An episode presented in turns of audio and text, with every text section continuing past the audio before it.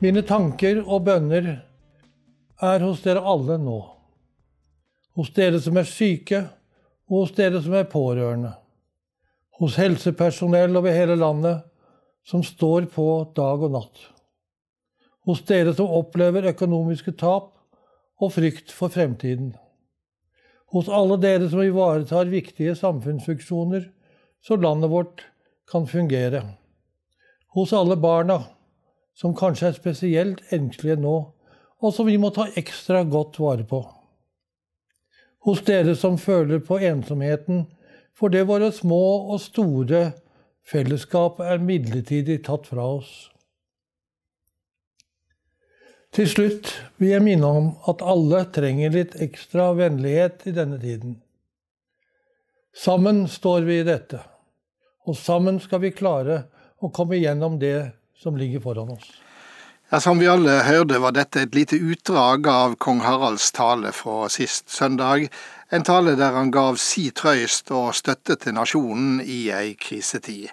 Og med meg på Skype fra Strasbourg er du, eh, Bjørn Magnus eh, Berge. Velkommen skal du være. Ja, takk skal du ha. Du er eh, diplomat og arbeider i Europarådet i Strasbourg, men du har også gitt ut boka 'Kongens taler', der du gjennomgikk de viktigste talene av kongene Håkon og Olav Helt. Og nå er du inne i sluttarbeidet med en ny bok, nemlig om kong Haralds taler. Og søndagens tale var jo ikke av de planlagte og, og tidfesta kongetalene, men oppsto i en spesiell situasjon. Og, og, det er vel høgst uvanlig når vi snakker om eh, kongelige taler? Ja, det stemmer. Eh, det er jo veldig sjeldent at eh, kongen ber om eh, tid på fjernsyn og radio for å holde en tale til folket. Utenom de som du nevner, nyttårstalen, som er helt en fast tradisjon her i Norge. Og Det er jo eh, et veldig viktig signal da, eh, til hele folket om alvoret i situasjonen. Og Det er eh, viktig å vise den type lederskap i, i, i slike kriser vi nå står midt oppi.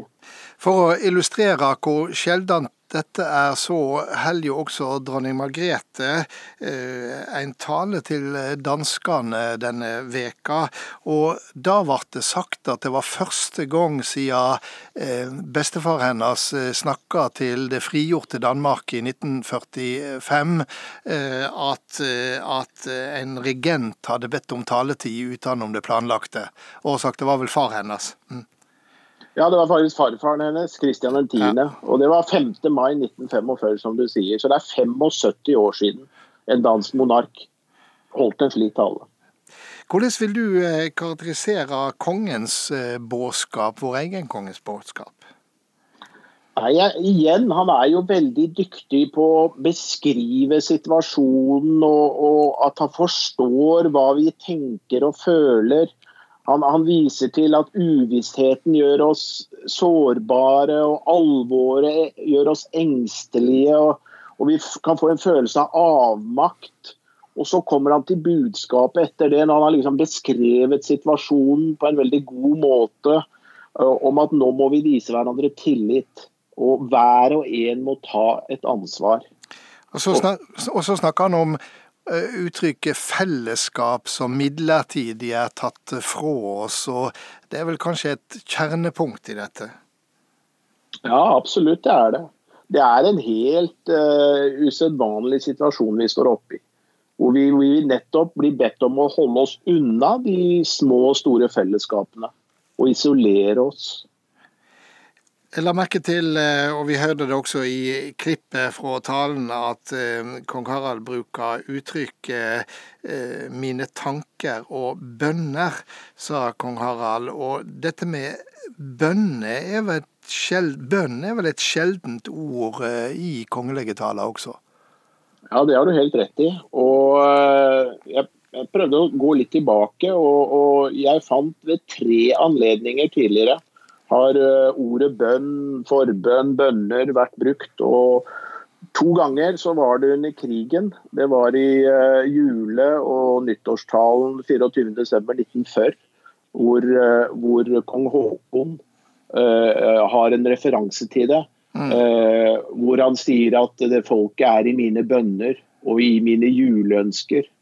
Og så er det året etter, i 1941 også, hvor, hvor uh, igjen kong Haakon viser til at det er min bønn og mitt inderlige håp at vi neste jul kan feire julen sammen til et fritt Norge. Så og den tredje gangen ja. ja Kom igjen. Det, den tredje gangen er faktisk eh, kronprins Haakon. Eh, han eh, har jo holdt så langt én nyttårstale, og det, det, gjorde han i 2003. Og da, referer, da er jo rett etter at uh, kong Harald er operert for kreft i urinblæren og er sykemeldt, og han er regent, kronprins Haakon. Og da viser han til, uh, og jeg siterer, kongen setter stor pris på at så mange tenker på ham, og han gleder seg over omsorg, forbønn og alle varme hilsener som er kommet i løpet av disse ukene. Så det er veldig sjelden, meget sjelden at, eh, at kongen refererer til sine bønner for folket. Og... Eh, bare ganske kort, tror du at en tale som dette var klarert med regjeringa, for det er vel ikke de fleste kongelige taler? Jeg tror egentlig det. For selv ved de tradisjonelle nyttårstalene så er, utveksler jo talene på forhånd, både statsministeren og kongen, mellom Slottet og statsministerens kontor. Og jeg tror i en sånn krise som landet nå står overfor, så er det også kontakt mellom Slottet og statsministerens kontor. Og Derfor fikk du se 15.3, kongens tale, og så var det vel to dager etter at statsministeren også holdt en tale til folket. Vi skal snakke mer eh, sammen om dette, Bjørn Magnus Berge, men først eh, et lite klipp fra en av de av kong Haralds taler som har fått størst oppmerksomhet. Nordmenn er engasjert ungdom og livserfarne gamle. Nordmenn er enslige, skilte barnefamilier og gamle ektepar. Nordmenn er jenter som er glad i jenter, gutter som er glad i gutter, og jenter og gutter som er glad i hverandre. Nordmenn tror på Gud, Allah, altet og ingenting. Nordmenn liker Grieg, Hugo, Hellbillies og Kari Bremnes. Med andre ord Norge er dere. Norge er oss.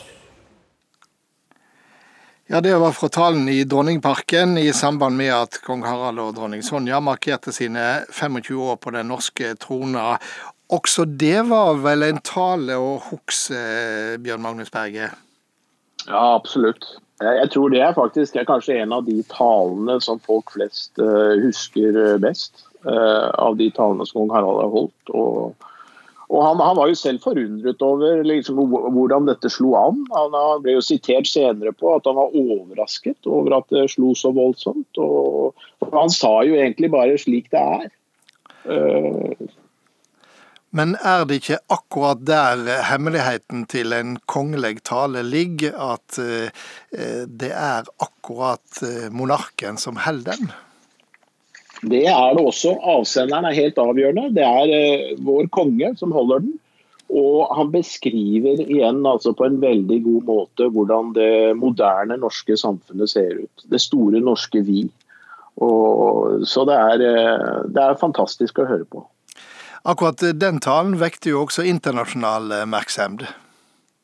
Det gjorde den, og det kom mange reaksjoner. og Jeg, jeg tror de, noen av medarbeiderne på Slottet også sa i etterkant at det var ingen av kong Haralds taler som vekket en så stor uh, uh, tilbakemelding og så stor begeistring, også internasjonalt. Har du fasiten på hvorfor akkurat det?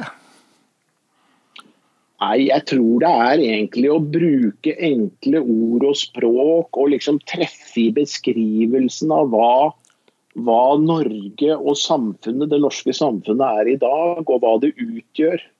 Og, og, og uten noe fiksfakseri, og, og beskriver det enkelt og tydelig med klare ord. Og når det er monarken, det er kongen av Norge som er avsenderen, så får dette med en gang en, en, en meget høy status, og folk lytter. Du som har gjennomgått eh, talene til eh, de tre ulike kongene vi har hatt siden 1905. Hva er det som skiller kong Harald fra eh, far hans, kong Olav, som taler? Ja, det, er, eh, det, det, første punktet er jo at uh, talene, og nå har jeg sett veldig mye på nyttårstalene over de siste 80 år, det er jo at talene ble vesentlig lengre med kong Harald. Tidligere under kong Olav så var det taler på korte nyttårstaler, tre-fire minutter. Uh, han brukte ikke veldig mange retoriske virkemidler, og det var veldig enkelt språk, selvsagt, som det må være. Ingen fremmedord. Uh, han uh, hadde en fast mal, kong Olav, på mange måter for sine nyttårstaler. Det, det var traust og gjenkjennelig. Alltid med kjære landsmenn i åpningen, som vi alle husker, selvsagt. Selv om han også gjorde visse presiseringer på det senere. Og alltid å ta opp helt sentrale utviklingstrekk i norsk økonomi, gjerne, i løpet av året. Han trakk fram gjerne viktige jubileumsår, kong Olav. og og også internasjonale forhold var han ofte innpå i nyttårstalene. De store begivenhetene. Og så, og så kommer kong Harald med, med, sine grep. Ja, og de er altså, det er mye mer gjennomtenkte taler på et vis. Altså mye mer gjennomtenkte budskap. Og han opererer gjerne liksom også veldig mye på det mellommenneskelige plan. Og han er jo en veldig Han er på en måte en filosof også. Eh, og det er ikke noe tungsindig skvalp. Her går det altså på gode formaninger og kloke råd om å være seg selv, om at vi skal løfte i flokk. Mm. Og, og, han er også flink til å løfte fram de svake i samfunnet. Og, og også dette med samtalen mellom mennesker. Dette med den dialogen. Det har også vært et særtrekk ved kong Haralds faller. Og så eh, ser vi vel også at han eh, løfter fram barn som har det vanskelig. Han har flere ganger tatt opp mobbing i sine nyttårstaler. Det er vel også et særtrekk ved, ved de kongelige talene de siste åra? Ja, det er det. Og, og, du kan eh, faktisk tidfeste det også på mange måter. For han har et veldig viktig møte med en eh, ung jente, eh, Marte fra Telemark, og en gruppe med barn som vokser opp med familievold i desember 2002 på Slottet. Og for Marte vil gjerne at kongen skal selv vite at til og med når han står på balkongen 17. mai, er det barn her i landet som kryper sammen i frykt. Og Det blir faktisk et møte som helt forandrer dagsordenen til kongen. Og Fra den datoen av og fra det året så blir barns oppvekst en hjertesak for Norges konge. Og Det har selvsagt hatt veldig stor betydning senere for, for barn og barn oppvekstvilkår i, i Norge. Er det riktig å si at kong Harald er mer personlig og mer verdiretta i sine, sine taler enn det var vanlig for de to foregående kongene? Ja, det vil jeg si absolutt. Uh, som jeg var inne på, kong, kong, Olav og også kong Haakon, det var mer liksom å peke på store begivenheter, og ikke så mye mer disse verdispørsmålene i samfunnet, disse formaningene, disse kloke rådene om hvordan vi skal håndtere uh, dagliglivet. Er dette et uttrykk for ulike personligdommer, eller er det tidene som forandrer seg, eh, og selvsagt også de kongelige budskapene med, det? Jeg tror det er kanskje uttrykk for begge deler. Det er, det er, det er selvsagt tidene som forandrer seg.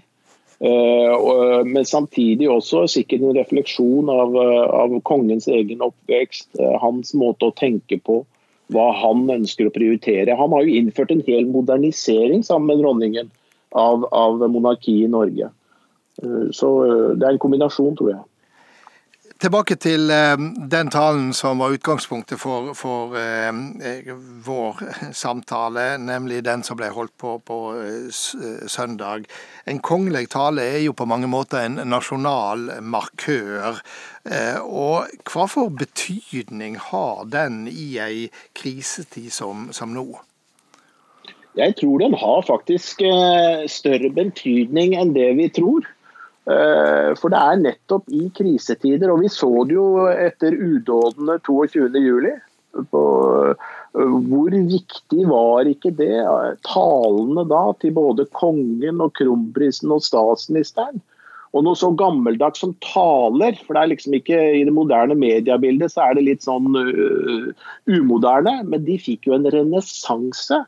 Og, og, der igjen, i krisetider, så trenger vi ledere. Vi trenger politiske ledere, vi trenger også konger og dronninger. Presidenter, som her i Frankrike, som står fram og, og viser veien framover og, og, kommer med klare og tydelige budskap. Og også gir folket et, et, et, eh, et håp. Så det du egentlig minner om, det er at eh, selv i vår gjennomdigitaliserte tid, ja, så er det liksom den enes ord og, og, og, tale som kan være med på å, å, å samle et helt folk. Ja, det er det. Det er det faktisk. Og det er, det er litt uh, uvant kanskje for mange år. For nå skal vi i, i dagens uh, sosiale medier på Twitter vi skal uttale oss liksom på 140 tegn. Talene er jo noe som klasjer fundamentalt med sånne korte tekster. Og soundbites kalte vi det jo på 1980-tallet. Talen har fortsatt en stor verdi, og vi ser det i krisetider.